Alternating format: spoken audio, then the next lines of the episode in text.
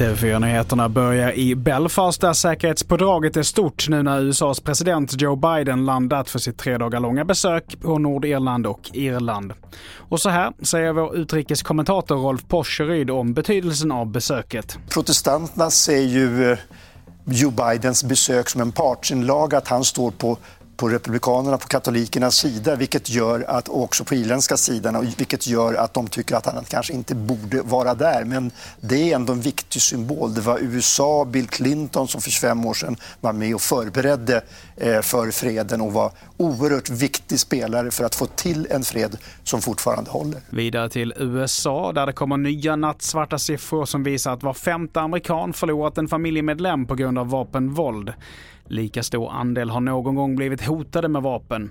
Studien som kommer från The Kaiser Family Foundation publiceras dagen efter skjutningen i Louisville som dödade fem personer. Och hittills i år så har USA haft minst 146 verifierade massskjutningar.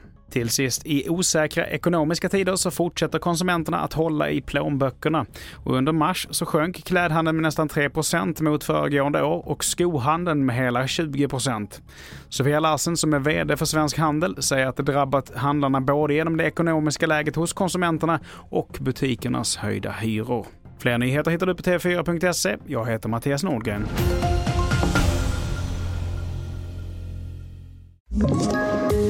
Poddtips från Podplay. I fallen jag aldrig glömmer djupdyker Hasse Aro i arbetet bakom några av Sveriges mest uppseendeväckande brottsutredningar. Går vi in med hemlig telefonavlyssning och, och då upplever vi att vi får en total förändring av hans beteende. Vad är det som händer nu? Vem är det som läcker? Och så säger han att jag är kriminell, jag har varit kriminell i hela mitt liv men att mörda ett barn, där går min gräns. Nya säsongen av Fallen jag aldrig glömmer på Podplay.